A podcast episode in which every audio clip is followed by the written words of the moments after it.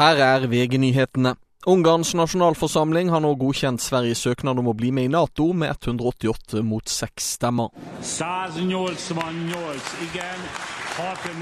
Og dermed har alle Natos medlemsland sagt ja til svenskenes søknad. En historisk dag, sier Sveriges statsminister Ulf Kristersson. Statsminister Jonas Gahr Støre gleder seg over vedtaket og sier at det er viktig med et samlet Norden i Nato. Og Nato-sjef Jens Stoltenberg skriver på X at Sveriges medlemskap gjør oss sterkere og tryggere. 16-åringen som er siktet for drapsforsøk på en 15-åring i Os utenfor Bergen, ble i dag varetektsfengslet i én uke. Gutten erkjenner ikke straffskyld og har tatt betenkningstid på om han vil anke fengslingskjennelsen. Ifølge politiet har 16-åringen vært politianmeldt en rekke ganger etter tidligere hendelser. 15-åringen er utenfor livsfare. Fire nye belgiske soldater er nå siktet etter masseslagsmål utenfor en pub i Åndalsnes natt til søndag 18. februar. Til sammen åtte belgiske soldater er nå siktet i saken. Og regissøren og skuespilleren Stein Winge er død, 83 år gammel.